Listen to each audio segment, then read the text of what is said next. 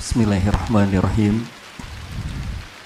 Assalamualaikum warahmatullahi wabarakatuh. Alhamdulillah Alhamdulillahilladzi arsala rasulahu bil huda wa dinil haqq.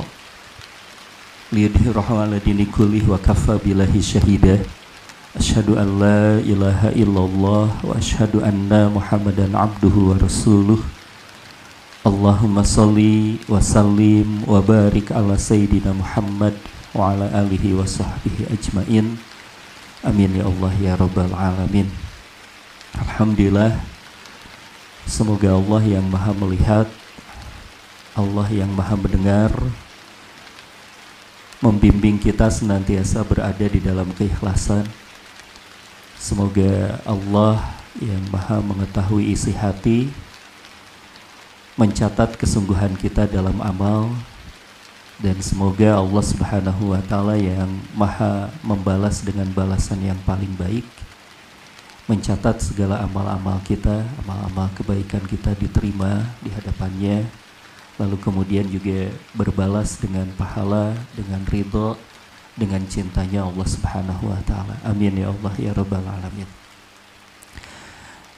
Teman-teman yang dirahmati oleh Allah Subhanahu wa taala, saya bersyukur kepada Allah Subhanahu wa taala bisa berkumpul dengan teman-teman semuanya. Sekali lagi di tengah banyaknya alternatif kegiatan-kegiatan kita. Teman-teman uh, melangkahkan kaki ke sini, mudah-mudahan setiap langkahnya menjadi penggugur dosa buat kita, jadi pengangkat derajat buat kita, menambah pahala buat kita. Ada pilihan-pilihan yang memang kata Allah Subhanahu wa taala pun bahkan Allah tuh secara global juga itu menawarkan pilihan tuh dua. Ada dua pilihan, kata Allah Subhanahu wa taala. Di dalam Al-Qur'an surat Al-Balad ayat ke-10.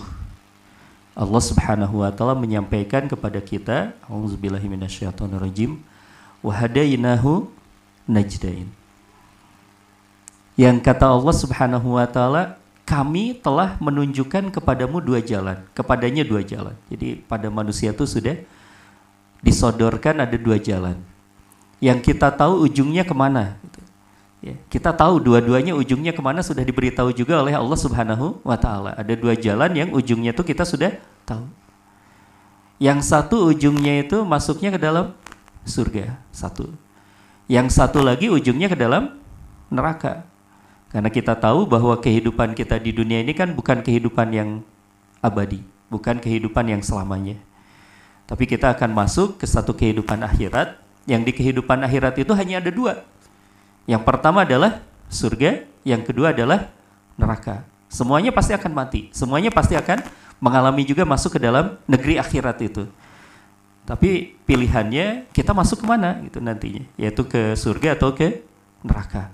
Nah inilah yang disampaikan oleh Allah Subhanahu Wa Taala di dunia itu ada dua jalan yang jelas. Kita bisa menempuhnya dan ujungnya kita sudah tahu. Tentu kalau kita bicara tentang kenormalan kita sebagai manusia, kalau kita bertanya pada siapa pun, kita kalau ditanya inginnya ke mana, pasti inginnya ke surga. Yang normal ya. Meskipun ada juga orang yang tidak normal kan. Ada yang pakai kaos apa itu kalau surga uh, buat mereka semua biarkan saya di neraka bareng artis-artis idola. nah, itu di, tidak normal berpikirnya. Tapi kalau misalnya yang normal berpikirnya pasti semuanya ingin masuk ke dalam surga. Nah, dalam perjalanan kita untuk menempuh perjalanan di dunia untuk bisa sampai ke dalam surga yang diinginkan itu, tentu ada satu makhluk yang senantiasa akan membuat kita ini gagal ingin menggagalkan perjalanan kita dan itu namanya adalah setan laknatullah alaih. Setan ini akan senantiasa bermain untuk menyesatkan, untuk mencelakakan kita dan itu pun akan menjadi sangat bahaya kalau misalnya tipu daya setan itu berjumpa dengan kelemahan kita. Tipu daya setan berjumpa dengan kelemahan kita di mana kita diinstal oleh Allah Subhanahu wa taala ada yang ada yang namanya hawa nafsu kita. Nah, ketika hawa nafsu berjumpa dengan godaan setan, lalu kemudian kita mengikuti godaan setan itu, mengikuti kehendak hawa nafsu kita, maka apa yang akan terjadi? Kita akan celaka di kehidupan kita di dunia atau juga di kehidupan kita di akhirat. Nah, teman-teman yang dirahmati oleh Allah Subhanahu wa taala, kalau kita sudah waspada tentang hal itu, yang perlu untuk kita tindak lanjuti berikutnya, yang perlu untuk kita ketahui berikutnya, karena tadi ada pola. Pertama ada jalan, kemudian ada hambatan, ya. Dan e, kejadiannya itu kita ini akan dicelakakan oleh setan dan dicelakakan oleh hawa nafsu kita ini awalnya di mana? Di dunia atau di akhirat? Di dunia. Perjalanannya di dunia. Dan kalau kita bicara tentang tergelincirnya manusia, tergelincirnya manusia di dunia ini ada dua jenis. Jadi sederhana saja, tergelincirnya manusia itu terlihatnya dari dua jenis. Nah, kita mengambil dari penjelasannya Imam Al-Ghazali. Ya, ini salah satu bukti bahwa Imam Al-Ghazali itu seorang ulama yang begitu sangat jenius ya. Bagaimana urusan yang serumit itu beliau kemudian mengatakan hanya dua saja, tergelincirnya manusia itu hanya dua saja. Apa yang dimaksud? apa yang disampaikan oleh Imam Al-Ghazali, kenapa kemudian beliau menyederhanakan menjadi dua itu? Apa saja dua itu? Kata beliau, yang pertama adalah tergelincirnya hati. Yang pertama adalah tergelincirnya hati. Yang tergelincirnya hati itu bisa meniadakan dan menghempaskan kedudukan hati dari hati yang selamat menjadi hati yang celaka. Nah, ini kita akan perdalam untuk yang poin yang ini. Jadi tergelincirnya hati yang kita tahu bahwa Allah Subhanahu wa taala sudah menginformasikan tuh yaumala yanfa'u malun wala banun. Akan tiba satu masa kata Allah Subhanahu wa taala ya. Akan tiba satu masa di mana tidak berguna yang namanya harta tidak berguna yang namanya anak-anak laki-laki kita. Tidak berguna apa pun label-label yang menempel di perjalanan kita di kehidupan dunia itu tidak ada gunanya. Bahkan bisa jadi celaka kita dengan label-label itu illa kecuali yang selamat pada saat itu kata Allah Subhanahu wa taala adalah orang-orang yang kolbun salim. Orang-orang yang hatinya selamat. Nah, inilah yang menjadi proyek awal, proyek besar dari setan untuk menggelincirkan kita. Karena keselamatannya itu adalah keselamatan hati, maka setan menginginkan tergelincirnya hati. Sehingga kalbun salim itu tidak tercapai. Sehingga yang ada adalah hati yang penuh dengan penyakit-penyakitnya. Hati yang penuh dengan penyakit-penyakitnya. Nah, ini yang pertama. Ketika seseorang sudah memiliki ini, sudah tergelincir hatinya, maka apa yang akan terjadi? Akan terjadilah jebakan yang kedua. Akan terjadilah kecelakaan yang kedua, yaitu hilangnya kemuliaan amal. Hilangnya akhlak juga amal dan akhlak sekaligus rusak. Gara-gara apa? Gara-gara tergelincirnya hati. Maka amal pun akan hilang, akhlak pun akan rusak. Gara-garanya apa? Gara-gara tergelincirnya hati. Dan kalau kita sudah tidak lagi memiliki amal, tidak lagi memiliki akhlak, ya maka kesempurnaan yang diinginkan oleh Rasulullah itu tidak akan tercapai. Maksudnya apa? Ya teman-teman kita bayangkan seperti ini. Kalau misalnya kita Allah Shallallahu Alaihi Wasallam. Lalu kita nanya sama Rasulullah, karena sahabatnya Rasulullah kan di awal-awal nggak banyak. Ya. Eh, kita bertanya tuh sama Rasulullah misalnya di awal-awal Islam itu, ya Rasulullah, untuk apa engkau diutus di tengah-tengah umat manusia? Rasulullah akan menjawab satu apa jawaban dari Rasulullah? Innamal bu'ithu liutamima makarimal akhlak. Kata Rasulullah, sesungguhnya aku diutus di tengah-tengah kalian, di tengah-tengah umat manusia itu, untuk menyempurnakan akhlak. Jadi goalsnya itu adalah terciptanya atau hadirnya manusia-manusia yang memiliki akhlak yang mulia. Nah, sementara tadi kita tahu dari proses tergelincirnya hati, lalu kemudian menjadi buruknya amal, lalu akhlak kita menjadi hancur juga, berarti apa yang dimisikan oleh Rasulullah Sallallahu Alaihi Wasallam untuk hadirnya manusia-manusia yang berakhlak mulia itu akan gagal total, tidak berhasil untuk diri kita secara individu. Dan kalau kita tidak memiliki akhlak yang mulia, maka satu misi besar perjalanan kita, misi besar yang dititipkan oleh Allah Subhanahu wa taala. Kita ingat ada di dalam Al-Qur'an surat Al-Baqarah ayat ke-30 di mana Allah Subhanahu wa taala mengingatkan kepada kita satu tugas yang begitu sangat besar. Apa tugas yang begitu sangat besar itu kata Allah Subhanahu wa taala yaitu menjadi khalifah di muka bumi. Wa idz qala rabbuka lil malaikati inni ja'ilun fil ardi khalifah. Itu pun akan gagal, teman-teman. Kenapa? Karena kalau kita mengelola bumi, kalau kita tidak punya akhlak yang mulia, hancur bumi ini. Segala apa pun amanah yang diberikan kepada kita, kalau kita tidak punya akhlak yang mulia, maka amanah itu akan rusak buat kita. Itu amanah itu bukan menyelamatkan kita, tapi akan mencelakakan kita dan akan menyelamatkan orang lain. Masya Allah. Nah, maka kalau kita ingin memperbaiki diri kita, kita ingin uh, melakukan ya setelah kemarin kita di pertemuan pertama di edisi pertama kembali kita offline, masya Allah ya kita me, uh, apa, menguatkan tekad kita bahwa perubahan itu harus dimulai dari ilmu. Kita merubahnya ingin dari ilmu. Dan ilmu yang seperti apa? Nah ini jawabannya, yaitu kita mulai memperbaiki hati kita. Kita mulai waspada tentang tergelincirnya hati Kenapa? Karena kalaupun kita misalnya nih, kita nih hari ini ya, hari ini misalnya. Ada yang uh, menyadari misalnya akhlak saya nih kurang bagus. Uh, akhlak saya kurang bagus, mannernya kurang bagus misalnya. Lalu kita kemudian memperbaiki manner tanpa memperbaiki hati. Kira-kira berhasil nggak? Berhasil sih jadi pencitraan nantinya. Benar ya? Jadi pencitraan kita berlaku baik, tapi hati kita buruk. Kira-kira kalau kita melakukan hal yang semacam itu, kira-kira saja, gitu, Allah nerima nggak hal yang semacam itu? Rasanya enggak ya. Kenapa? Karena kalau kita bicara tentang satu amal yang baik tanpa disertai dengan hati, itu ingat bahwa di dalam Islam itu dikenallah satu terminologi yang kita tidak boleh sembarangan nyebut ini dan melebeli orang dengan sebutan ini, yaitu sebutannya munafik. Munafik itu apa? Amalnya bagus, hatinya jelek.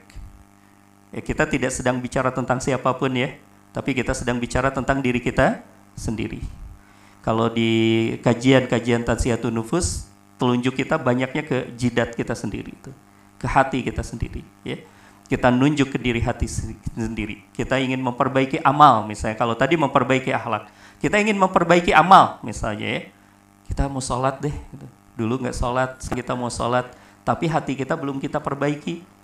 Maka apa yang akan terjadi? Sholatnya pun lagi-lagi pencitraan sholatnya live streaming misalnya ya atau di foto gitu ya di upload habis itu nggak sholat lagi Kenapa? Karena hatinya tidak menyertai. Maka untuk itu teman-teman yang dirahmati oleh Allah Subhanahu wa taala, agenda kita yang pertama untuk melakukan perbaikan, jagalah hati kita, perbaiki hati kita sebelum kita memperindah amal dan akhlak kita. Ini rumusnya ya, perbaiki hati kita sebelum kita memperindah amal dan memperbaiki akhlak kita. Karena tergelincirnya hati menjadi awal bencana yang harus kita tangani. Baik, teman-teman yang dirahmati oleh Allah Subhanahu wa taala, apa saja yang masuk ke dalam ketergelinciran hati ini? Apa saja yang termasuk dalam ketergelinciran hati ini? Akan banyak poin yang nanti kita akan bedah perlahan-perlahan, sedikit demi sedikit. Kenapa sedikit demi sedikit? Tadi tadi pagi sampai agak siang bahkan sampai sore ini saya diskusi banyak dengan beberapa orang teman ada satu hal yang nampaknya kita sepakat bahwa ilmu tuh jangan terlalu banyak juga teman-teman. Ya, mempelajari sesuatu tuh jangan terlalu banyak juga. Kenapa? Karena ingat lagi niatnya kita. Kemarin kita sudah menguatkan itu. Kita mencari ilmu buat apa? Untuk diamalkan. Ilmu untuk diamalkan. Sehingga justru ilmu yang berkah itu adalah yang meskipun sedikit, tapi karena kita amalkan, karena kita faham betul-betul sangat faham, lalu kemudian kita mengamalkannya itu yang bisa menyelamatkan kita. Maka untuk itu insya Allah dalam kita ketika mempelajari tentang ketergelinciran hati ini, kita akan pelan-pelan ya. Kita akan pelan-pelan, akan sedikit-sedikit saja. Banyak poin-poin yang harus kita waspadai sebagai jebakannya. Kemudian kita coba perbaiki satu demi satu. Malam hari ini kita akan masuk ke dalam tiga poin saja yang hampir uh, sama ya nuansanya hampir sama sehingga perlu dan bisa kita masukkan ke dalam satu bahasan di malam hari ini mudah-mudahan Allah memahamkan kita dan mudah-mudahan Allah menguatkan kita untuk uh, membentengi diri atas tergelincirnya hati itu. Apa saja yang akan kita pelajari malam hari ini yang pertama masih ada waktu yang pertama, tergelincirnya hati yang perlu untuk kita waspadai dan ini sebenarnya adalah agenda utamanya setan. Setan itu harus kita perlakukan sebagai musuh ya. Makanya kenapa ada satu produk yang menyebut nama setan meskipun zatnya halal, itu MUI nggak ngeluarin label. Kenapa? Karena itu musuh kita. Nanti bisa uh, secara tidak sadar kita akhirnya jadi gandrung sama setan Ya, kalau kita makan sesuatu yang zatnya haram, itu kita uh, langsung takut gitu ya. Tapi itu akidah yang terancam. Makanya tidak boleh. Antum yang punya produk-produk jangan nyerepet-nyerepet nama-nama yang memusuhi kita. Gitu ya. Nggak ada nama lain. Ini ada ahli branding teman-teman. Kayaknya perlu ada brand yang lain lah. Nggak usah pakai setan gitu ya. Nah teman-teman, misalnya kalau kita bicara tentang itu, ya satu agendanya setan yang merupakan musuh besar kita itu, agenda utamanya dan agenda puncaknya adalah membuat kita keluar dari iman ini atau dalam bahasa sederhananya itu menjadikan diri kita tergelincir karena kekafiran. Menjadi orang kafir. Bisa nggak kita tergelincir menjadi orang kafir? Bisa, teman-teman. Nah, maka untuk itu waspadai. Apa yang perlu untuk kita waspadai? Waspadai untuk kita jangan sampai kita melakukan perbuatan atau perkataan yang bisa membatalkan sahadatain kita. Yang bisa membatalkan sahadatain kita. Misalnya apa?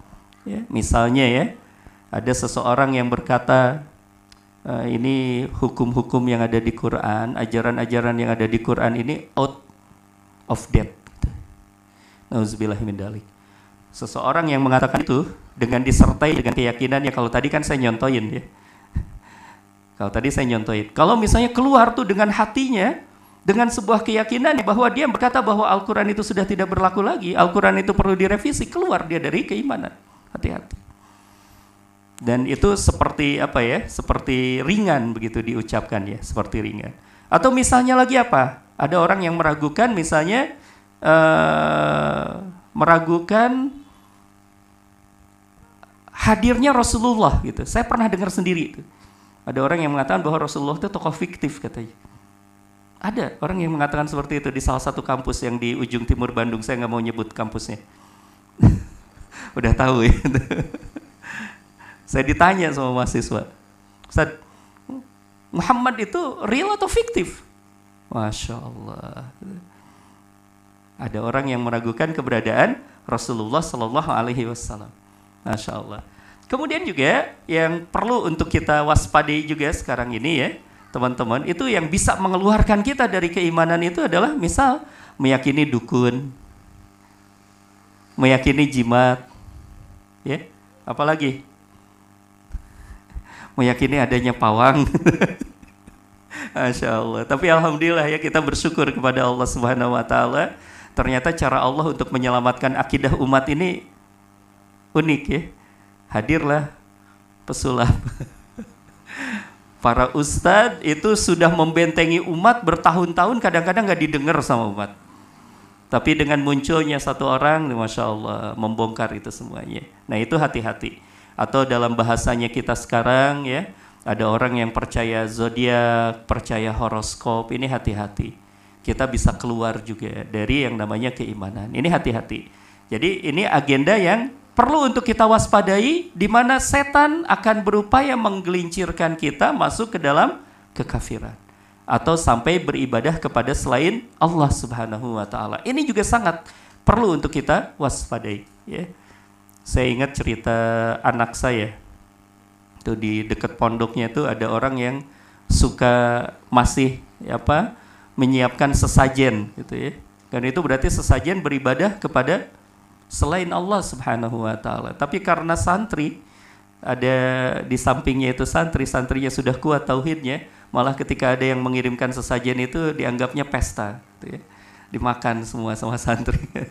ada ayam goreng, ada segala macam dimakan sama santri. Gitu. Masya Allah. Nah ini mengingatkan pada kita bahwa ternyata praktek-praktek yang seperti ini tuh masih ada sampai sekarang. ya Masih ada sampai sekarang dan ini berhati-hati kalau kita percaya ini bisa menggelincirkan kita ke sebuah kecelakaan yang begitu sangat besar yaitu lepasnya iman kita. Ya. Baik, nanti kita akan lanjutkan karena sudah masuk Isya ya. Kita akan lanjutkan ini baru satu agenda yang pertama ya, menjaga kita tergelincir dari kekafiran. Nanti ada agenda kedua dan agenda ketiga dan kita nanti akan berupaya untuk melihat bagaimana caranya untuk mengatasi ini semuanya, memetakan dengan peta yang mudah-mudahan lebih jelas lagi Ya, lalu kita coba untuk mengatasi ini semuanya dan kita mudah-mudahan bisa bareng-bareng bersama-sama bahu-membahu untuk mengatasi ini semuanya. Baik teman-teman, kita akan rehat sejenak, kita akan ke atas terlebih dahulu untuk sholat isya. Sehabis sholat silahkan untuk bisa turun kembali ke sini ya.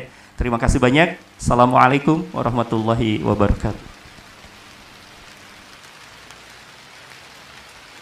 Alhamdulillah teman-teman yang dirahmati oleh Allah Subhanahu wa taala kita lanjutkan kembali bahasan kita. Kita awali kembali dengan basmalah kita awali kembali dengan luruskan niat. Mudah-mudahan Allah Subhanahu wa taala memberikan kepada kita keberkahan ilmu insyaallah. Amin ya Allah ya rabbal alamin. Baik eh, teman-teman yang dirahmati oleh Allah Subhanahu wa taala tadi sebelum Isya kita mengenal ada satu jenis tergelincirnya hati yang ini sangat berbahaya, ya. yaitu tergelincirnya seseorang kepada kekafiran. Tergelincirnya seseorang kepada kekafiran yang tentunya kalau orang tersebut sudah tergelincir di hal tersebut hilang semuanya. Karena iman ini merupakan satu hal yang akan merubah apa pun yang kita lakukan menjadi lebih bermakna lagi dengan iman Seseorang bisa melakukan kebaikan, tapi kalau dia tidak memiliki keimanan, maka tidak ada nilainya di hadapan Allah Subhanahu wa taala. Maka ini adalah satu hal yang sangat penting. Tadi tergelincirnya kebanyakannya kalau misalnya kita lihat dari tergelincirnya seseorang ke dalam kekafiran yang tidak sadari, bisa jadi tidak disadari, itu berawal dari kejahilan. Jadi untuk itu kalau kita tidak ingin tergelincir di tipe yang pertama, banyak-banyaklah kita menggali ilmu Ya. Banyak-banyaklah kita mengenali tentang tadi di antaranya hati-hati dengan pembatal-pembatal syahadat kita. Hati-hati, bisa dengan ucapan kita, bisa dengan sikap kita, bisa dengan juga amal-amal kita. Itu bisa uh, batal syahadat kita dan bisa mengeluarkan kita dari keislaman kita. Satu ya. Yang kedua, ya, kalau yang satu mudah-mudahan kita karena itu besar ya, jadi sesuatu yang besar sehingga kita mudah untuk menghindarnya. Ini yang kedua dan yang ketiga makin halus nih teman-teman. Yang kedua, yang ketiga ini makin halus karena yang kedua, yang kedua tergelincirnya hati kata Imam Al-Ghazali harus hati-hati itu yaitu saat tergelincirnya hati seseorang kepada yang namanya nifak. Kepada yang namanya nifak. Nifak itu perbuatan ya, berarti orangnya munafik yang munafik itu sendiri, nifak itu ada terbagi dua. Nifak terbagi menjadi dua. Mudah-mudahan kita tidak terjebak kepada dua-duanya. Yang pertama, nifak yang pertama itu adalah nifak nazari, istilahnya Said Hawa. Nifak nazari, nifak nazari itu adalah berpura-pura masuk Islam tapi sebenarnya tidak percaya dalam hatinya tidak ada kepercayaan sama sekali terhadap Islam. Dan ini dicontohkan oleh siapa? Dicontohkan misalnya di zamannya Rasulullah Shallallahu Alaihi Wasallam oleh Abdullah bin Ubay bin Salul. Namanya Abdullah, bagus namanya. Abdullah bin Ubay bin Salul. Kenapa? Karena melihat bahwa Rasulullah Shallallahu Alaihi Wasallam dan para sahabat sudah menang perang waktu itu, sudah menang perang Badar, sehingga posisinya pada saat itu secara sosial dan politiknya kuat. Mereka melihat, ini kalau seperti ini Muhammad ini akan menang nih, akan banyak sekali, akan kokoh sekali nanti di tengah masyarakat. Maka kita harus bergabung dengan dia. Untuk apa? Untuk mendapatkan keuntungan-keuntungan duniawi. Masya Allah. Nah, itu uh, munafik yang tadi disebutnya sebagai uh, nifak nazori itu istilahnya itu itu memang betul-betul tidak beriman sebenarnya cuma menampakkan keimanan. Kalau dalam sejarah Indonesia kita mengenal ada orang-orang yang seperti itu juga banyak Misalnya kita mengenal ada salah satu tokoh yang di Indonesia itu disusupkan untuk menghancurkan perlawanan umat Islam di Indonesia. Siapa? Di antaranya adalah Dr. Snuk Hugronje. Ya pura-pura masuk Islam. Dia pura-pura masuk Islam bahkan mengganti namanya menjadi nama yang sangat Islami. Gitu ya. Itu untuk meneliti bagaimana caranya mengalahkan orang-orang Aceh. Karena Aceh ini termasuk e, sebuah negeri, sebuah bagian dari wilayah Nusantara yang tidak bisa dijajah 100% oleh orang-orang kafir Belanda pada saat itu. Dan akhirnya bagaimana caranya untuk bisa meruntuhkan perlawanan Aceh itu? Ya ada orang-orang yang pura-pura masuk Islam itu. Ya, akhirnya meneliti bagaimana struktur masyarakat Aceh, akhirnya dipisahkanlah antara ulama dengan para pemudanya, dengan kaum adatnya, begitu ya, dengan para penyelenggara negerinya, akhirnya bisa dikuasai Aceh itu. Nah, itu uh, salah satu saja. Dan mungkin juga banyak sekarang ini orang yang pura-pura, pura-pura ya menunjukkan identitas keislaman gitu ya, tapi padahal niatnya itu bukan untuk itu. Gitu. Niatnya hanya ada niat yang lain. Ya niatnya ada niat yang lain bahkan untuk merusak Islam itu sendiri untuk merusak Islam itu sendiri masya Allah saya makanya suka agak kesel nih teman-teman kalau misalnya lihat berita-berita kan sekarang lagi ada berita kriminal ya Nah, tiba-tiba kemudian si terdakwanya atau tersangkanya itu pas di pengadilan yang dulunya tidak pakai kerudung, pakai kerudung gitu ya. Bahkan mungkin sebenarnya bukan muslim. Ada yang bukan muslim pun didandanin seperti orang Islam gitu. Ini hati-hati. Uh, tapi insya Allah tidak masuk dalam bahasan ini ya. Tapi ini hanya untuk mengingatkan. Hati-hati dengan kemasan-kemasan diri kita. Karena sekali lagi kalau kita bicara tentang tazkiyatun nufus ini, jidat kita yang banyak kita tunjuk-tunjuk ini. Hati kita yang banyak kita tunjuk-tunjuk. Itu mudah-mudahan kita terhindar dari yang namanya nifak nazari itu tapi yang juga kita perlu waspada, tergelincirnya hati di hal tentang nifak itu bisa jadi nifak amali. Nah kalau nifak amali ini sifat. Nifak amali ini adalah amal-amal yang mirip dengan ciri-cirinya orang-orang munafik. Apa ciri-ciri orang munafik? Suka berdusta. Apalagi berkhianat. Apalagi curang. Itu ciri-cirinya orang-orang munafik kata Rasulullah SAW ayatul munafik salas. Ada tiga tuh cirinya itu. Dan semuanya kalau misalnya kita lihat itu semuanya tuh akarnya sama, dusta. Akarnya tuh bohong, kebohongan. Sehingga kalau kata Imam Al-Ghazali lagi di dalam Ihya Ulumuddin itu, satu pintu setan, satu pintu yang digunakan oleh setan untuk masuk ke dalam jiwa manusia itu adalah dusta. Sekali orang sudah berdusta, itu setan mudah sekali untuk menguasai jiwa manusia itu. Sekali dusta, apalagi kalau sering. Apalagi kalau hidup di dalam kedustaan itu. Masya Allah. Munafik itu kan porosnya dusta, bohong porosnya itu. Nah ini hati-hati nih kita ya. Kita berdusta padahal bahasanya Quran itu juga bukan kazab tapi kazib. Coba antum nanti teman-teman tanyakan kepada atau baca uh, di kamus ya baca di kamus apa perbedaannya kazib dengan kazab kazib itu dosa-dosa kecil ya dusta-dusta kecil tapi itu tuh menjadi satu hal yang ah, luar biasa sekali bisa mencelakakan kita gitu ya. dari dusta-dusta kecil itu nah ini hati-hati tergelincirnya kita gara-gara kita berdusta berkhianat curang atau ada satu hal lagi ini ada di dalam surat An-Nisa. Nanti teman-teman silahkan buka di surat An-Nisa. Ada salah satu ciri orang munafik itu di antaranya adalah senantiasa berpihak dan bersama-sama dengan orang-orang yang memusuhi Islam. Jadi salah berpihak.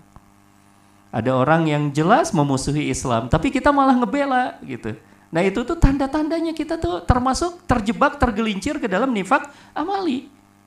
Sudah tahu orang itu memusuhi kita, sudah tahu dia itu melecehkan Islam, sudah tahu dia itu melecehkan Quran gitu. Terus kita temenan sama orang itu. Terus kita kemudian membela orang itu. Hati-hati ini tergelincirnya hati di akhir zaman ini salah satunya. Kan kita salah satu jebakannya di akhir zaman apa tuh? Kita kan ingin disebut sebagai orang yang toleran kan? Dan itu jebakan. Ya, toleransi di dalam Islam itu itu ada sangat jelas di dalam piagam Madinah. Apa piagam Madinah? Toleransinya tuh lakum dinukum waliyadin. Untukmu agamamu, untukku agamaku. Silahkan saja bebas saja gitu ya. Silahkan. Tapi kita tidak boleh kemudian juga menghina gitu ya dan tidak boleh bahkan me, eh, apa berpihak kepada orang yang menghina agama kita. Jelas, sangat jelas ya. Ini hati-hati. Jadi tergelincirnya juga ada tuh, ada potensinya kita bisa tergelincir. Salah satunya adalah salah dalam berpihak. Salah dalam berpihak di antaranya berpihak kepada orang-orang yang jelas-jelas sudah memusuhi Islam. Baik, nah itu sudah semakin halus dan yang ketiga ini yang lebih halus lagi dan ini sebenarnya yang akan kita lebih fokuskan. Ya. Ini kita hati-hati di poin yang ketiga ini. Tergelincirnya hati yang ketiga adalah tergelincirnya hati di dalam ria. Ini yang lebih halus lagi. Di dalam yang namanya ria. Bahkan para ulama memasukkan ria ini ke dalam kemusrikan juga sebenarnya ke dalam kemusrikan. Cuma musriknya itu siriknya itu sirik kecil. Tapi tetap saja musrik ya. Kalau kata Ali eh, kata Sayyidina Ali bin Abi Thalib beliau mengatakan bahwa jangan lihat dosa itu kecil atau besar ya. Tapi lihat kepada siapa engkau berkhianat. Kita nih berkhianatnya kepada Allah kalau melakukan itu. Apalagi ini syirik. Syirik itu kan berarti ya kalau kalau kita coba untuk uh, ikat dengan definisi Kenapa kemudian ria itu masuknya ke dalam syirik? Karena memberikan hak rububiyah dan hak ubudiyah kepada bukan yang berhak. Maksudnya apa? Misalnya kalau kita bicara tentang hak rububiyah, ya. Hak rububiyah itu kan uh, kita mengetahui bahwa Allah yang menciptakan, Allah yang mengatur, Allah yang mengurus, ya. Allah yang berkuasa tuh. Itu masuk di rububiyah dan uluhiyah, ya. Lalu kemudian gara-gara kita punya sifat ria, lalu kemudian kita mencari posisi di hadapan manusia dengan kita menyangka bahwa kalau kita mendapatkan sesuatu dari manusia itu, maka kita lancar rizkinya. Maka kita akan karirnya melesat. Maka kita akan mendapatkan kebahagiaan dan kesenangan. Itu kita menempatkan sesuatu tidak pada tempatnya. Karena seharusnya hak rububiyah itu hanya kepada Allah. Kita harus sampaikan, harus simpan itu itu hanya kepada Allah Subhanahu wa taala. Apalagi sampai ke hak ubudiyah. Kita sholat ya harusnya karena Allah, ini karena dilihat orang lain. Berarti sholatnya bukan karena Allah, hak ubudiyahnya tidak sampai. Yang harusnya kepada Allah malah kepada manusia. Gitu ya. Maka tidak tidak heran ketika kita bicara tentang ria ini dimasukkan oleh Imam Al-Ghazali bagian dari kemusyrikan. Baik, teman-teman yang dirahmati oleh Allah Subhanahu wa taala, untuk itu kita coba untuk lebih dalam lagi ya, membedah tentang ria karena khawatir sekali ketika saya coba untuk uh, apa mempelajari uh, penjelasannya Imam Al-Ghazali, ternyata beliau membagi bahasan tentang ria itu sangat panjang. Beliau mendetilkan dan saya sangat khawatir bahwa kita pun termasuk orang-orang yang ria. Saya khawatir sekali kita pun termasuk orang-orang yang ria. Yang kata beliau, ya, mari kita coba untuk masuk di dalam bahasan tentang ria ini dengan kita menelaah tentang tingkatan-tingkatan ria karena ternyata ria itu ada tingkatan-tingkatannya dan dari hal yang yang besar sampai hal yang kecil itu kita bisa kena. Dan kata beliau bisa dibedakan untuk lebih memudahkannya.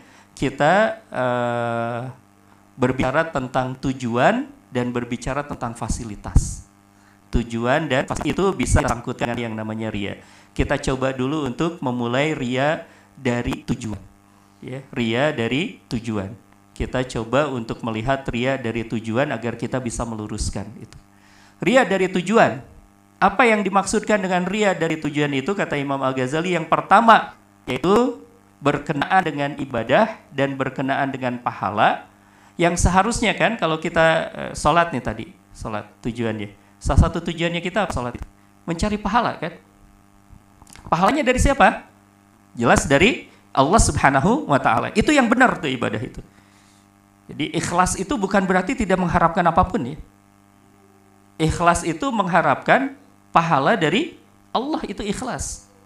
Nah, orang yang ria, dia tidak berharapnya bukan berharapnya pahala dari Allah, tapi dia berharap pujian dari manusia. Tujuan. Jadi gagal dalam hal tujuan. Seharusnya mencari keriduan Allah, mencari pahala dari Allah, malah dia mencari pujian dari manusia. Jadi ini berkenaan dengan pahala. Tujuannya ya, tujuannya yang uh, yang pertama adalah berkenaan dengan pahala. Yang seharusnya kita mencari pahala dan ridho Allah, malah ini mencari penghargaan dan pujian dari manusia. Satu. Kalau ini lazim ya, sering kita bahas ketika kita membahas tentang ria. Yang kedua, yang kedua, masih berkenaan dengan tujuan.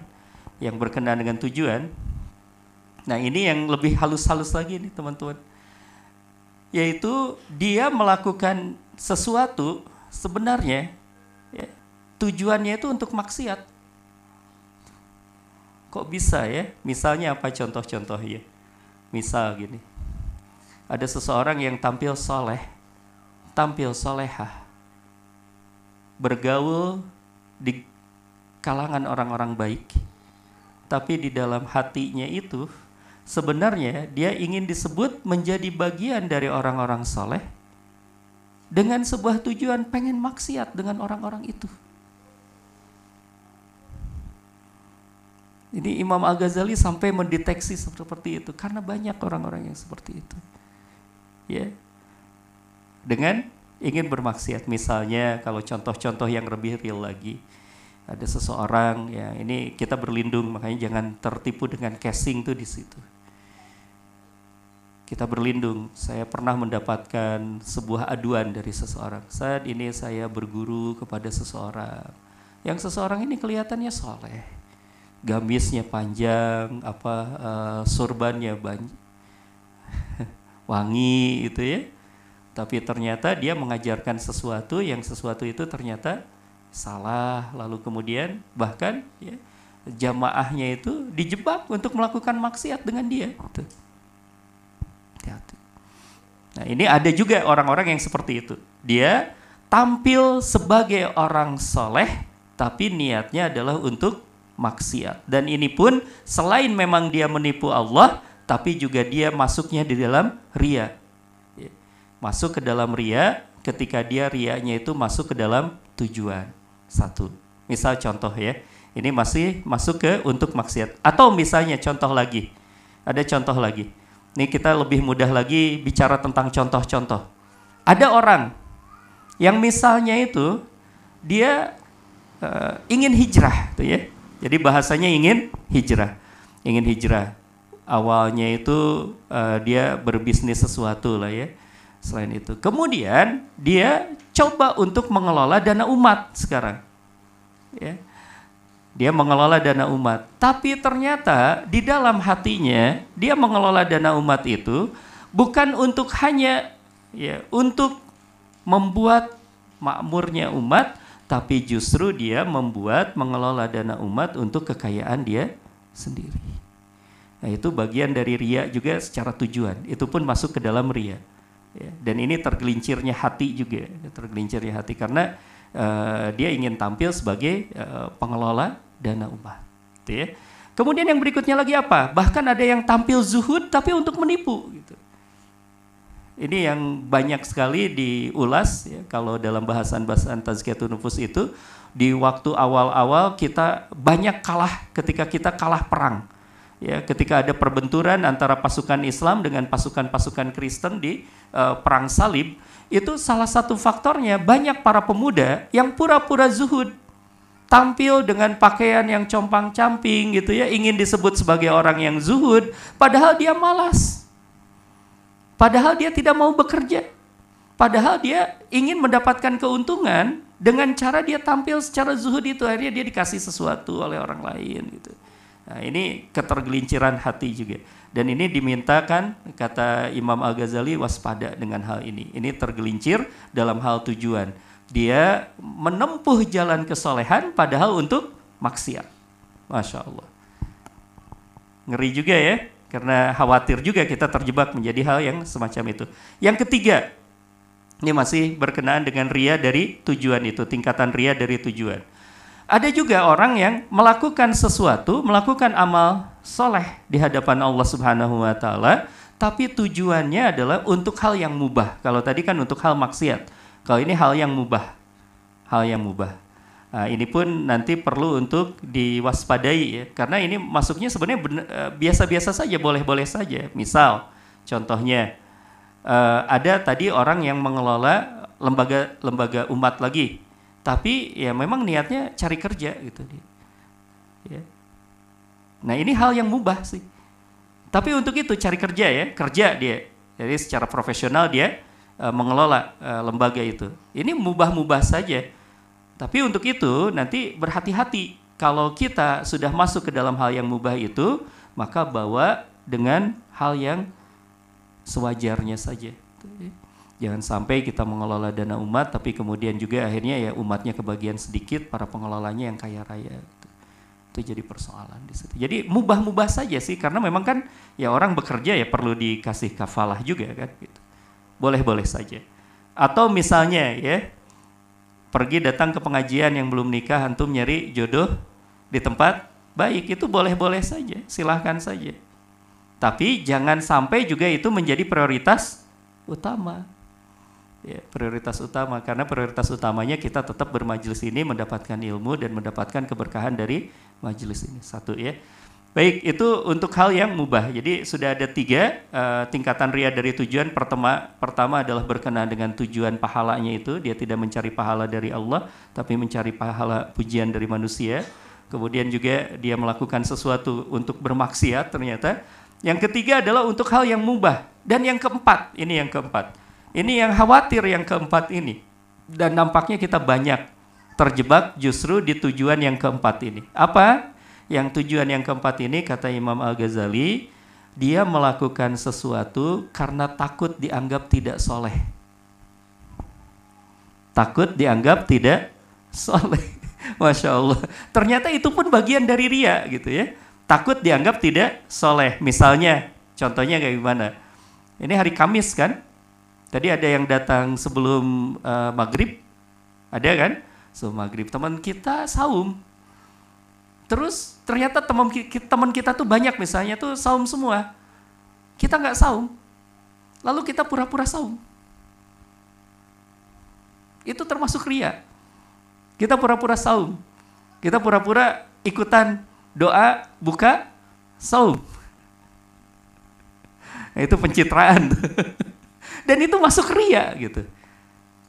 Atau misalnya kita uh, sebelum sebelum ditanya sama teman-teman karena kita tahu bahwa teman-teman sedang saum semuanya, lalu belum ditanya kita berkata, aduh saya hari ini gak saum eng gitu, uzur saya, nggak, nggak ada yang nanya gitu. Tapi kita kemudian berkata seperti itu, nah itu pun termasuk ria. Rianya masuknya ke dalam hal apa? Takut dianggap tidak soleh. Padahal apa adanya aja, ya apa adanya saja. Saum tuh, aman kan ya gitu. Enggak enggak, enggak lagi saum gitu. Kenapa? Ya lagi malas hari ini nggak apa-apa.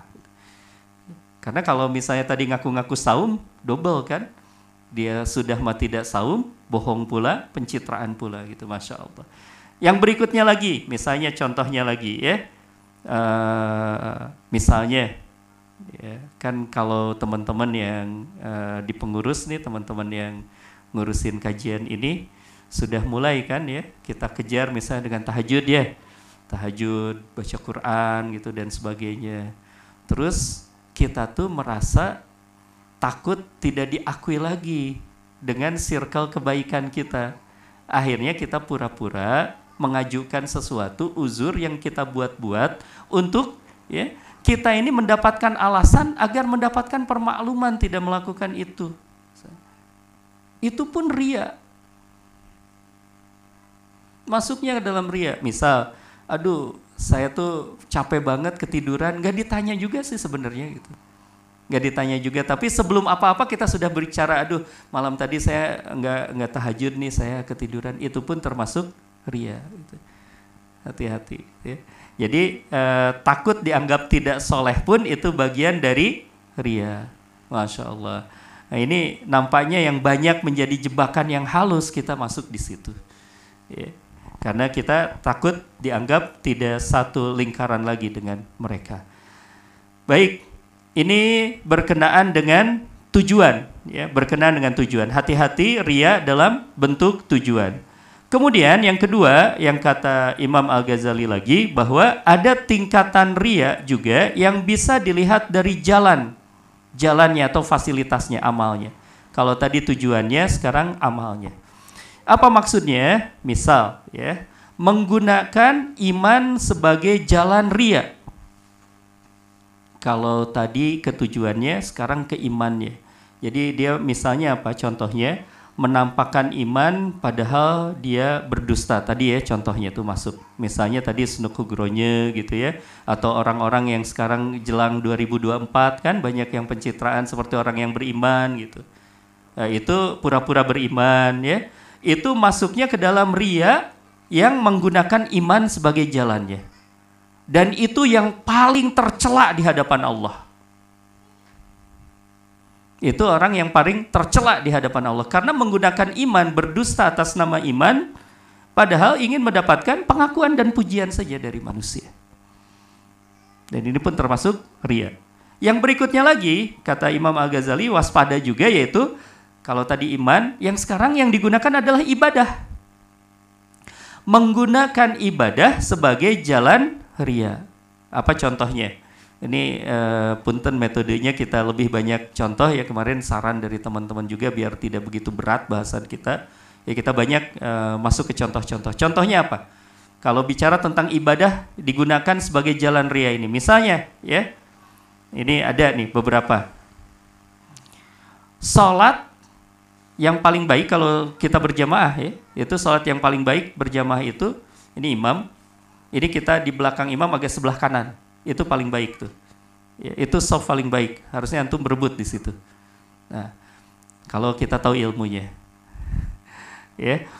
Nah, misalnya ada orang yang memang tahu ilmunya itu, oh, jadi jadi ini hati-hati juga ya. Saya sudah kasih tahu ilmunya ya pada teman-teman. Ketika kita sholat berjamaah, ya, dan kita lihat banyak orang yang kenal dengan kita, kita kenal juga dengan orang-orang itu, lalu kemudian kita berebut di situ. Kita berebut di situ, biar apa? Biar kita dianggap memang orang yang paling paham tentang hal itu. Tapi ketika kita pergi tempat masjid, masjidnya kita tidak dikenal, kita lagi safar, ya, kita lagi safar, orang tidak banyak kenal kita, kita juga hanya sendirian, kita malah malas untuk duduk lagi di situ. Nah itu tanda-tandanya kita sudah ria menggunakan ibadah. Karena beda pas kita tidak ada orang yang kenal, maka kita milihnya malas-malasan untuk milih di tempat utama itu, ya. Misalnya lagi apa? Memperpanjang sujud itu, memperpanjang sujud itu kan akan menyempurnakan ibadah kita, benar ya? Salat tuh kata Rasulullah Shallallahu Alaihi Wasallam ada sebuah wasiat dari Rasulullah kepada salah seorang sahabat Nabi yang doanya itu terkabulkan yaitu Sa'ad bin Abi Waqqas orang yang doa kalau doa dia dikabulkan oleh Allah Subhanahu wa taala ketika beliau meminta kepada Rasulullah, "Ya Rasulullah, mohon doakan aku agar doa-doaku senantiasa dikabulkan oleh Allah Subhanahu wa taala." Kata Rasulullah, "Perpanjang sujudmu, persering sujudmu." Dan itu dilakukan. Maka ini salah satu tuntunan kita kalau kita sholat itu memperpanjang waktu sujud, terutama kalau kita sholat lagi uh, apa ya, ya proporsional sih sebenarnya proporsional. Karena kalau berjamaah kita lihat juga makmumnya ya, makmumnya. Kalau makmumnya sudah uzur sudah tua ya kalau misalnya uh, terlalu lama sujudnya itu bisa bahaya juga buat orang-orang tua kita ya. Nah itu misalnya ketika kita jadi imam nih teman-teman ya. Ketika kita menjadi imam misalnya dan kita tahu yang jadi makmum tuh circle-nya kita juga gitu ya. Uh, lalu lagi-lagi timbullah sebuah sifat ria kita memperpanjang sujud saat ramai kita dengan teman-teman kita. Tapi ketika kita sholat tahajud, justru kan sebenarnya sholat tahajud yang harus lebih panjang sujudnya kita. Tapi ketika kita sholat tahajud, sholatnya sendirian, malah sujudnya hanya sebentar. Nah itu tanda-tanda ria dan ria menggunakan ibadah. Fasilitas ibadah digunakan untuk ria kepada Allah Subhanahu wa taala kepada yang lainnya ya. Kemudian uh, yang lain lagi misalnya uh, ria menggunakan ibadah ini misalnya pura-pura menyambung silaturahim. Padahal hatinya itu masih juga penuh dengan kebencian. Ini hati-hati juga. Karena silaturahim bagian dari ibadah ya. Nah, kita ekspos silaturahim kita, kita lakukan sesuatu ini hati-hati. Uh, silaturahim itu berniat uh, harus niatnya karena Allah dan ini bernilainya pahala. Tapi kalau kita niatnya lagi-lagi ingin mendapatkan pujian dari manusia, ini kita sudah menggunakan ibadah sebagai jalan ria. Apalagi contohnya? Contohnya lagi memotivasi orang lain untuk zakat untuk sedekah ya dan seolah-olah ia kebaikan uh, bagian dari kebaikan itu tapi sebenarnya dia hanya bisa ngomong saja padahal pada kenyataannya dia tidak melakukan hal itu tidak melakukan hal itu dan ini jauh dari contoh para salafus salih misalnya ya salah satu contoh dari para salafus salih kita bisa mengambil sebuah apa pelajaran besar dari Imam Ahmad bin Hambal Imam Ahmad bin Hambal itu termasuk ulama salaf. Imam Ahmad bin Hambal. Nah, Imam Ahmad bin Hambal satu saat diminta ya, request ada para jamaah, ada jamaah yang meminta bahasan khusus kepada Imam Ahmad bin Hambal. Apa bahasan khususnya itu? Kata para jamaah itu yang kebanyakan adalah orang-orang yang masih menjadi budak statusnya itu ya, statusnya masih jadi budak, dia datang kepada Imam Ahmad bin Hambal, wahai Imam, tolong nanti di khutbah Jumat satu saat engkau ceritalah tentang baiknya membebaskan budak. Baiknya untuk membebaskan budak, baiknya untuk berzakat dan seterusnya begitu. Kenapa? Ini ada pesan sponsor dari para budak agar banyak tuan-tuan yang membebaskan budaknya itu. Imam Al-Ghazali ternyata ketika di, eh, Imam Ahmad ketika diminta hal yang semacam itu, dia tidak langsung merespon itu. Satu minggu ditunggu oleh para budak itu ternyata tidak juga membahas tentang itu. Dua minggu tidak juga, tiga minggu tidak juga. Ya, baru minggu keempat itu dia mau mengucapkan tentang hal itu, membahas tentang pembebasan budak itu. Wah, senang tuh budak-budak itu. Dan kemudian ujungnya pas akhir ditanyalah, wahai Ahmad, wahai Imam Ahmad, kenapa engkau sudah kami tunggu sudah hampir satu bulan, tapi baru engkau mengatakan tentang hal tersebut. Apa yang dijawab oleh Imam Ahmad bin Hambal? Mohon maaf, selama tiga pekan ini aku berupaya untuk mengumpulkan uang. Aku berupaya untuk mengumpulkan uang sehingga uangku baru terkumpul. Aku kemarin baru saja berhasil membebaskan satu orang budak. Maka gara-gara itulah aku mulai berani untuk membicarakan tentang pembebasan budak. Kenapa? Karena aku khawatir aku berbicara tentang pembebasan budak sementara aku tidak melakukan hal itu. Aku tidak melakukan hal itu. Sehingga khawatirnya memang ya energinya tidak ada, kemudian juga dia ya hanya berbicara saja, masya Allah. Nah, itu bagian juga dari hal yang harus kita perhatikan dan terutama tadi ya yang kita harus sangat perhatikan itu tatkala kita misalnya terjebak kita menjadi orang-orang yang mempromosikan, mengajak orang lain untuk melakukan zakat sedekah padahal dia sendiri tidak termasuk orang yang melakukan hal itu. Ya. Jadi endorser saja. Ya. Baik. Ini teman-teman yang dirahmati oleh Allah Subhanahu wa taala itu yang masuk ke dalam ranah ria. Jadi ria tersebut ternyata kata Imam Al-Ghazali dibagi menjadi dua. Hati-hati dengan tujuan dan hati-hati dengan fasilitas, fasilitasnya juga. Teman-teman yang dirahmati oleh Allah Subhanahu wa taala, kalau kita sudah memahami itu, maka kita akan menemukan ria ini ternyata sangat merusak amal. Kalau seperti itu, rusak amalnya, akan bahkan membatalkan amal, akan membuat Allah murka, bahkan kemudian perilakunya juga binasa. Pelakunya juga akan binasa. Kenapa? Karena dia beramalnya bukan karena Allah Subhanahu wa taala. Dia ibadah bukan karena Allah. Dia melakukan kebaikan semacam tadi zakat, semacam tadi sholat, semacam tadi kemudian uh, haji bahkan dia melakukan hal itu karena manusia maka rusak segala amalnya itu dan bisa binasa. Hati-hati. Tergelincirnya hati ternyata akan bisa mengantarkan orang tersebut ke dalam kebinasaan. Karena berarti sepanjang dia beramal nggak diterima sama Allah Subhanahu wa taala.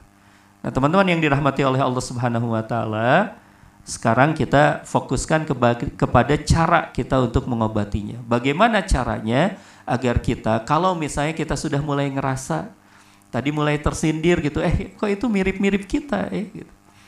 Kok mirip-mirip kita. Nah, kalau kita sudah mulai merasa itu mirip-mirip kita, obati segera. Bagaimana cara mengobatinya? Pertama, ketahui kenapa orang bisa terjebak ke dalam ria tadi. Ya Salah satunya kalau kita tarik benang merahnya kenapa orang melakukan ria itu awalnya dari satu hal yaitu cinta, kedudukan dan kehormatan di hadapan manusia. Cinta, kedudukan dan kehormatan di hadapan manusia. Itulah yang membuat orang akhirnya termotivasi untuk melakukan ria. Cinta, kedudukan dan kehormatan di hadapan manusia. Kenapa bisa seperti itu? Karena ada anggapan. Ini polanya ya. Pertama tadi karena cinta kedudukan dan kehormatan. Kenapa dia cinta kedudukan dan kehormatan? Karena dia menganggap. Karena dia punya anggapan. Anggapannya apa? Anggapannya adalah manusia dan dunia itu berharga. Maka dia mencari kedudukan di hadapan manusia dan mencari dunia. Kenapa? Karena tadi cara pandang dia terhadap manusia dan dunia yang salah itu. Dia menganggap manusia dan dunia itu berharga. Padahal kalau misalnya kita bicara tentang manusia dan dunia, rasanya saya sering sekali mengingatkan kita semuanya bahwa itu semuanya itu sama-sama saja.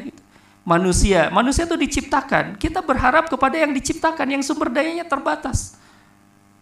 Kita berharap pada dunia yang kata Ibnu Qayyim, Beliau sering mengingatkan kepada kita dan kita kemudian juga sering mengingatkan diri kita dengan nasihat-nasihatnya dari Ibnu Qayyim. Ibnu Qayyim kan juga sering mengatakan bahwa dunia itu adalah sesuatu yang sifatnya itu fana, sifatnya itu hilang, sifatnya itu kurang dan tidak layak untuk kita jadikan sebuah sandaran buat kita.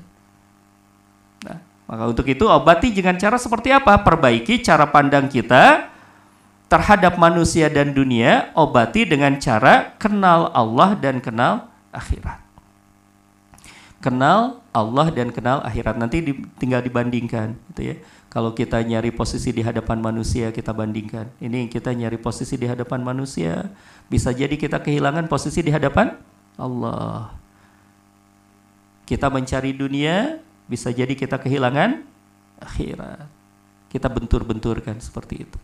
Ya, sehingga kita tidak tidak punya peluang sedikit pun untuk ria gitu ya. Kalau kita sedang mulai ria, kita katakan pada diri kita, aduh ini lagi mencari posisi di hadapan manusia ya gitu. Tanya pada diri kita, nyari posisi di hadapan manusia gitu. Sedapat apa dari manusia nih? Dapat apa? Muliakah kita dengan pujian manusia, teman-teman? Akan memperberat timbangan amal kita nggak pujian manusia itu? Tidak sama sekali. Bahkan yang ada pada secara tabiatnya ya, jiwa manusia itu tidak akan kuat kalau senantiasa dipuji. Ini teman-teman cara ya, ini cara tapi jangan diikutin. Salah satu cara ngerusak jiwanya teman, teman kita. Eh, kita punya teman nih. Gimana caranya biar kita rusak teman kita itu? Gampang. Puji aja tiap hari kita ketemu kamu tuh hebat luar biasa. Terus puji tiap hari. Lama-lama rusak dia. Rusaknya karena apa? Dia akan terjebak sombong dia akan terjebak ujub. Ya. Akhirnya dia hidup di dalam sebuah dunia yang tidak nyata rusak dia.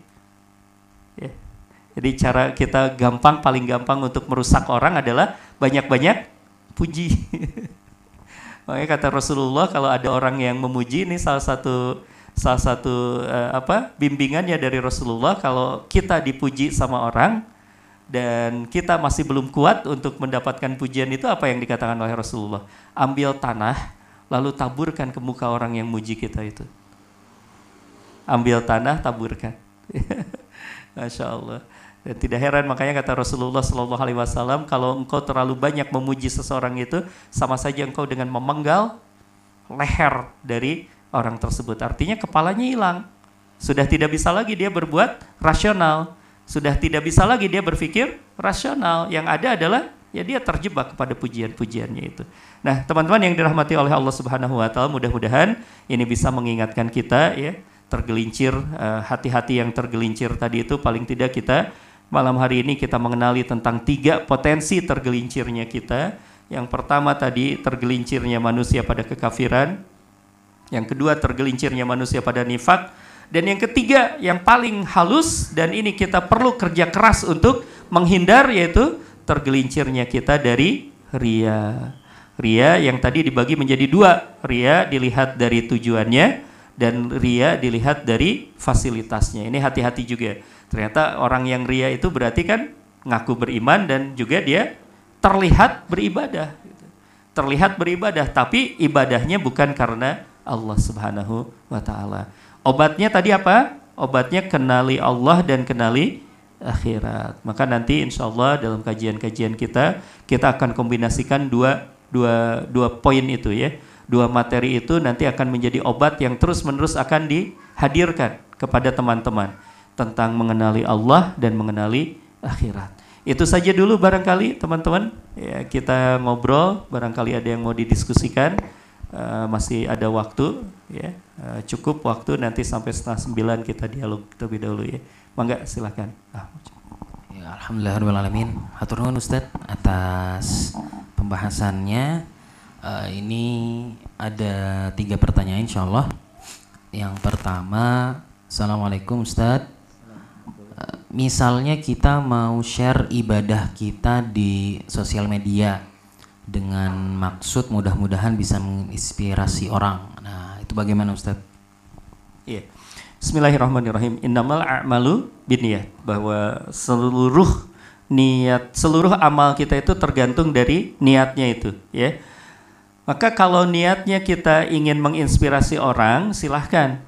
Cuma tetap kita harus berhati-hati, ya. Cuma tetap harus berhati-hati. Salah satu salah satu caranya ya, caranya nih untuk uh, mengukur kita betul-betul ikhlas dalam share tadi ibadah untuk menginspirasi orang.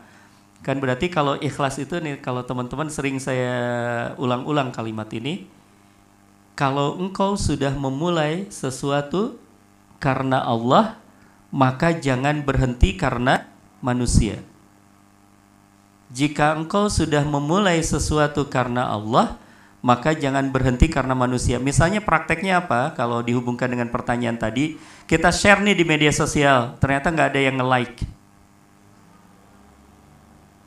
Terus habis itu nggak share lagi kita. Berarti kita berhenti karena manusia. Berhenti karena manusia. Dan itu berarti masuk masih ria kita. Masih belum ikhlas kita. Atau ya, maka ujian ya, ujian kita juga kan ngadain talim yang datang dua orang mis. Antum berhenti itu ria berarti kita. Ya, yeah, kita ria berarti. Karena kita sudah memulai karena Allah, maka jangan berhenti karena manusia. Jangan berhenti karena manusia, terus aja. Ya, itu salah satu cirinya ya, cirinya bahwa kita yang sudah benar niatnya. Jadi nge-share ibadah untuk menginspirasi orang ya sudah share aja dulu. Kita nggak perlu mikirin apakah kemudian ada feedback dari manusia atau tidak. Gitu ya. Silahkan saja. Uh, kita niatnya sudah lurus uh, dan sepanjang niatnya sudah lurus, maka ketika kita melakukan sesuatu tersebut kita sudah mendapatkan pahala dari Allah. Gak perlu kita nunggu berhasil atau tidak. Ya, itu kurang lebih seperti itu. Allah a'lam. Uh, pertanyaan kedua, sebelumnya Ustadz izin dulu menginfokan ke teman-teman uh, jamaah kalau masih ada yang mengisi kertas pertanyaan dan mungkin belum didistribusikan ke depan boleh di apa boleh dioper. Kalau di bagian akhwat mungkin di uh, sisi depan nanti diambil oleh uh, apa teman-teman panitia. Tapi kalau sudah tidak ada uh, nanti bisa kita lanjutkan lagi. Selanjutnya Ustadz pertanyaan kedua. Ustadz saya adalah mahasiswa di salah satu universitas Kristen di kota ini Seringkali saya kesulitan untuk melakukan sholat wajib pada saat kegiatan belajar mengajar dan kebetulan jarak dari kelas ke musola juga jauh. Uh, baiknya bagaimana Ustadz? Iya. Uh, baik, teman-teman, hidup kita ini kan terdiri atas pilihan-pilihan kita. Ya. rasanya kita bukan orang-orang yang dipaksa untuk memilih sesuatu. Kita ini hidup dengan pilihan-pilihan bebas kita.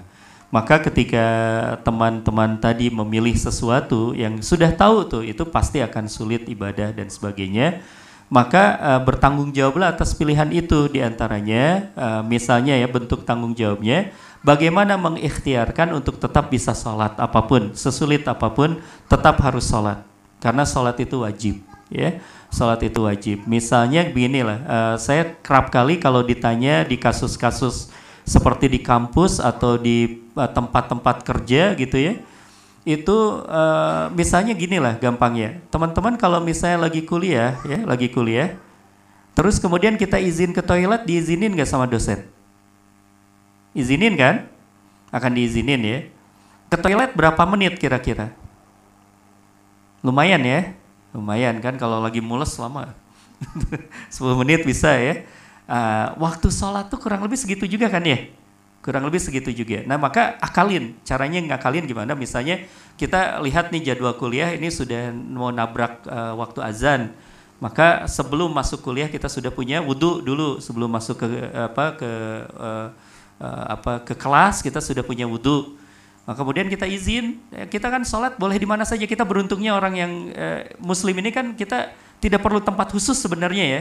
Tempat khusus memang bagus, kita punya masjid, maka sholat uh, berjamaah di masjid itu dapat pahala yang begitu sangat luar biasa. Tapi di kondisi-kondisi seperti itu, kita bisa misalnya tuh di lorong boleh nggak sholat?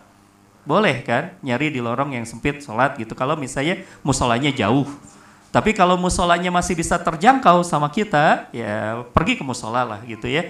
Dan itu kan waktu untuk wudhunya sudah terpotong karena kita sudah punya wudhu gitu. Jadi uh, manajemen waktu saja. Kita bisa lakukan manajemen waktu.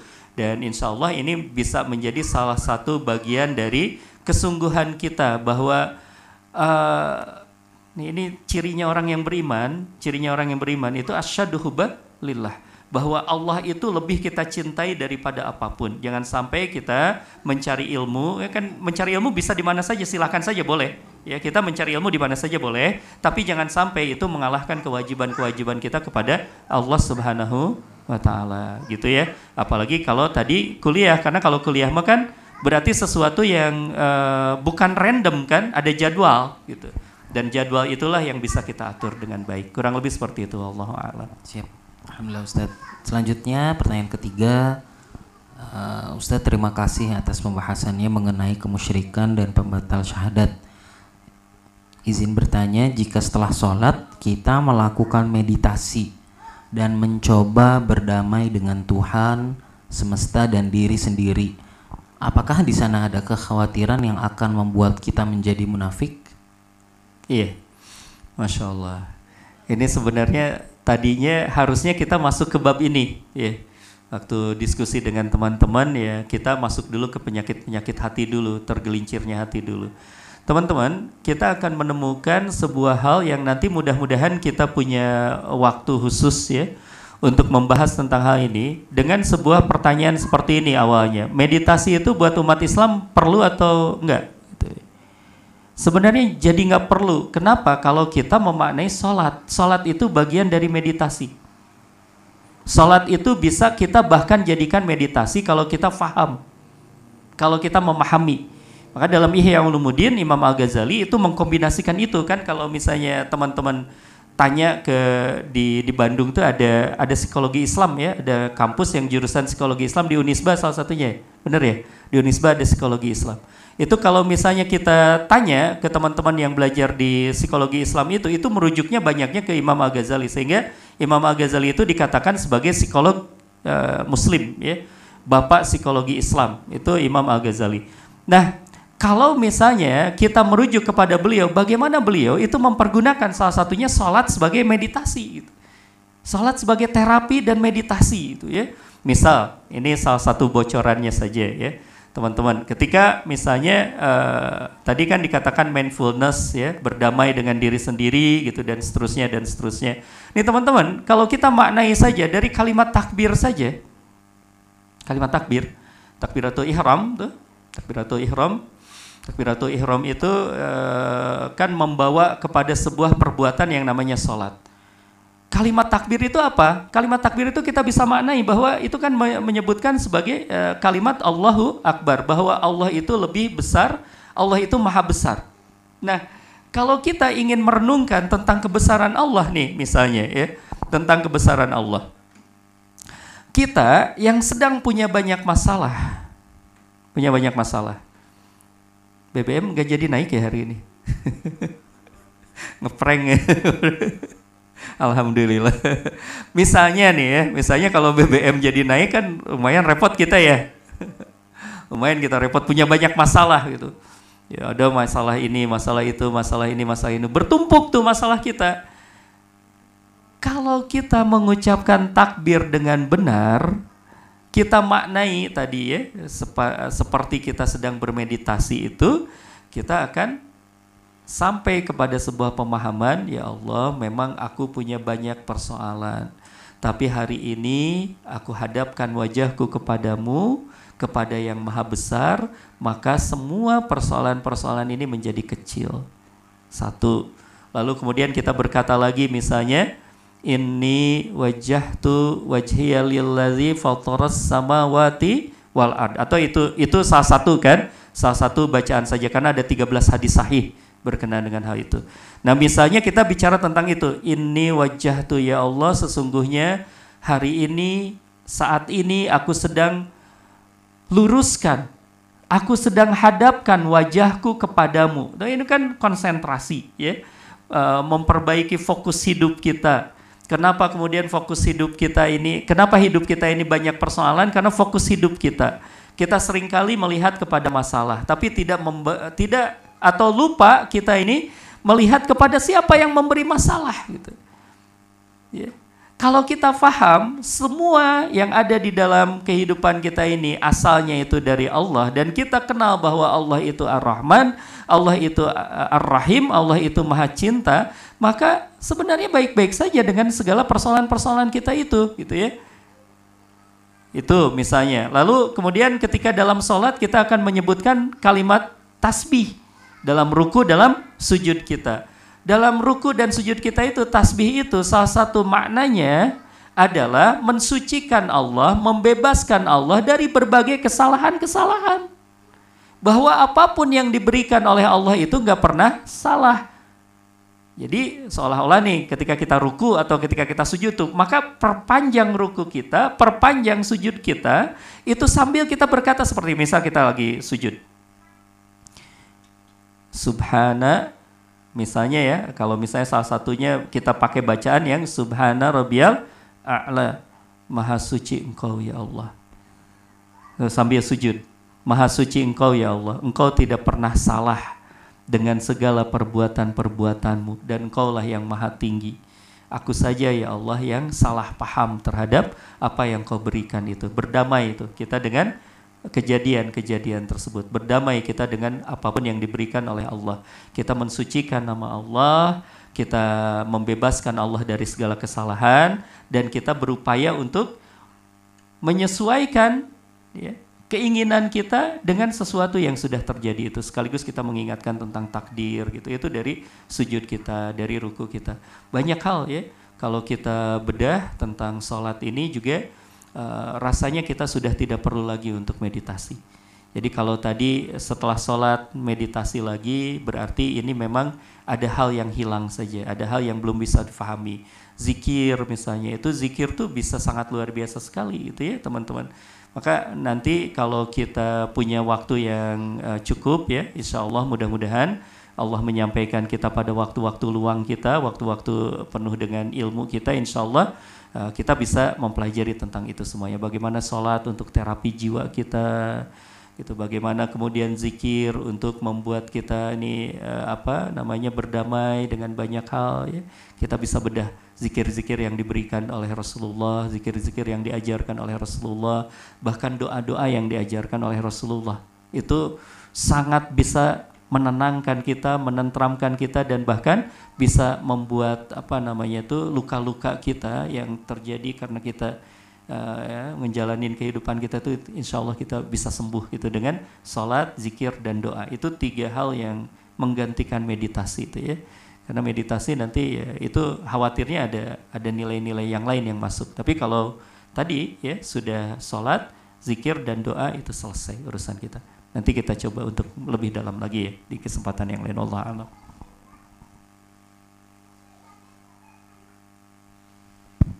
Uh, Ustadz, ini dua pertanyaan terakhir ya Ustadz ya. Uh, insya Allah semoga bisa uh, terjawab dengan efektif. Yang pertama, Assalamualaikum Ustadz. saya seorang karyawan di rumah makan di kota Bandung. Terkadang saya suka takut dengan aturan perusahaan uh, sebagai contoh.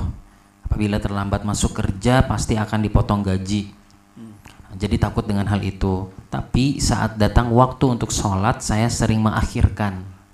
Nah, jadi tadi uh, takut kalau kalau kerjanya uh, telat, takut dipotong gaji. Tapi kalau tapi jadinya malah sering mengakhirkan sholat. Bagaimana menyikapinya, Ustaz? Iya.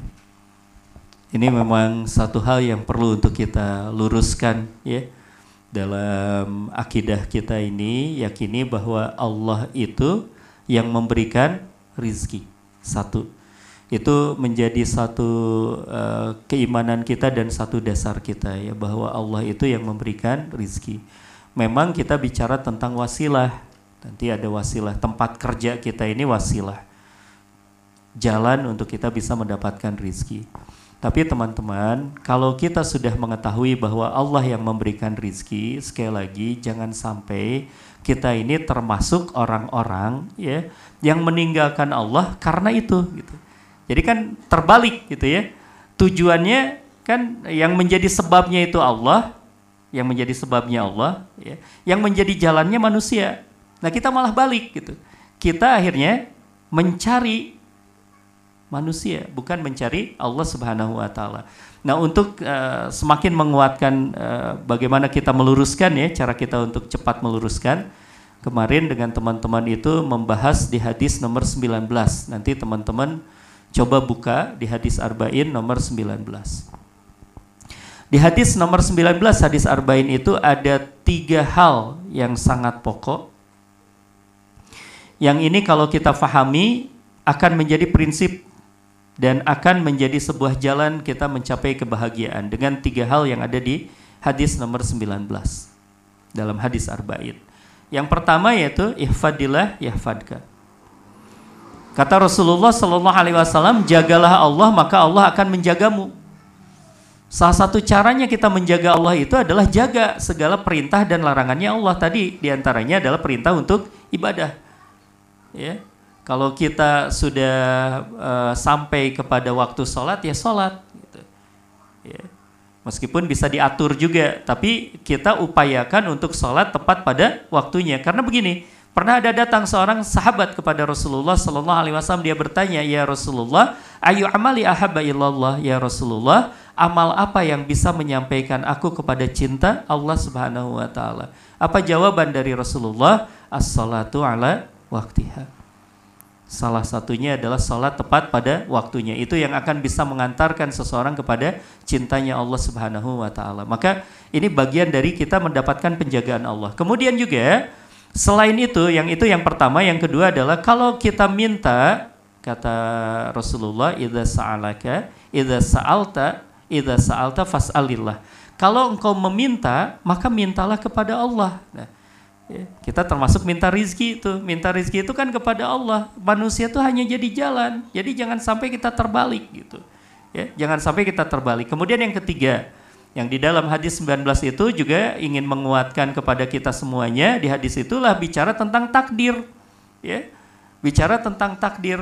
Kita ini hidup bersama dengan takdir-takdir teman-teman. Ya. Dan kalau kita bicara tentang bersama takdir-takdir itu, maka kata Hasan Al-Basri, kata beliau, kalau kita sudah paham tentang takdir, kita akan memahamkan ke dalam diri kita bahwa sesuatu yang sudah ditakdirkan untuk kita itu tidak akan pernah hilang dan tidak akan pernah meleset. Yang artinya, misal ya tadi kita sedang bekerja, lalu uh, kita ini takut tuh gara-gara misalnya taatnya kita kepada Allah, ya, atau sholat tepat waktu atau yang lain yang lainnya itu mengurangi rizki kita, ya Nah, ini kan jadi persoalan. Padahal kalau misalnya kita kembalikan bahwa Allah lah yang memberikan itu semuanya dan itu ada urusannya dengan rizki, ada urusannya dengan takdir kita. Jangan sampai khawatir. Itu bagian dari keimanan kita. Tidak ada uh, tidak ada apa rumusnya ya. Seseorang yang taat kepada Allah lantas jadi berkurang rizkinya gitu ya. Nah, apalagi kalau kasusnya itu berarti kasusnya kan lebih takut kepada manusia. Lebih takut dia dipotong gajinya gitu ya atau mendapatkan prestasi buruk gitu ya tapi dia tidak khawatir kehilangan posisi di hadapan Allah. Padahal nih teman-teman ini yang perlu untuk kita ingat juga bahwa kita ini kalau kita sudah bicara tentang iman kita boleh kehilangan apa pun di dunia. Ya. Kita boleh kehilangan harta kita boleh kehilangan teman-teman kita gitu ya.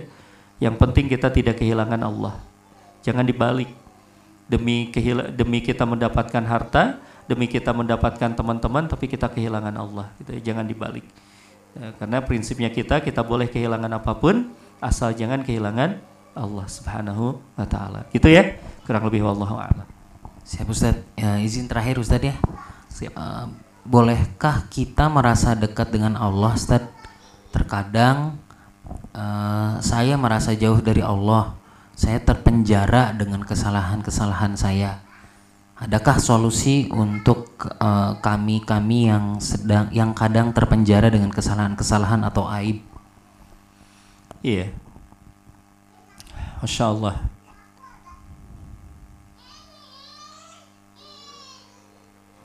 Teman-teman yang dirahmati oleh Allah Subhanahu wa taala, kalau kita mengenali Allah Subhanahu wa taala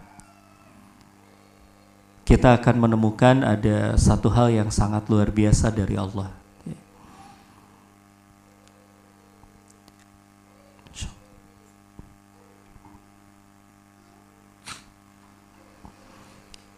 Salah satunya adalah kalau kita baca nanti ayat tentang bagaimana Allah memanggil orang-orang masuk surga. Yang ternyata orang-orang yang dipanggil masuk surga oleh Allah Subhanahu wa taala itu ya, yang pertama diminta masuk surga itu adalah orang-orang yang bahasanya itu adalah orang yang tobat. Jadi bukan orang yang hafid, hafid itu yang menjaga dirinya, tapi orang yang dia pernah salah, lalu dia menyadari kesalahannya, Lalu dia bertobat kepada Allah Subhanahu wa taala. Nah, orang yang seperti itu yang pertama kali dimasukkan ke dalam surga oleh Allah. Bahkan kalau misalnya kita kembali ke dalam satu ayat ya. Satu ayat yang kalau misalnya teman-teman baca ayat itu dengan hati yang hidup, itu kita akan nangis berulang-ulang baca ayat itu. Ada salah satu ayat bunyinya kayak gini nih, teman-teman. Ya ibad, ya ibadiyalladzina asrafu ala anfusakum Kata Allah Subhanahu wa taala di ayat itu, "Wahai hambaku yang sudah melampaui atas dirinya sendiri." Ya. Itu ayat ditujukan kepada orang-orang yang pernah berdosa. Ya ibad, wahai hambaku. Allah itu masih nyebut hamba. Padahal Allah bisa saja ganti kalimatnya dengan ya ayuhal fujur, wahai para pendosa. Tapi Allah nggak pakai itu. Allah pakai ya ibad, wahai hambaku. Ya ibadiyalladzina asrafu ala anfusakum. Kata Allah kemudian apa? La taqanatu mir rahmatillah. Jangan engkau putus asa terhadap cintaku.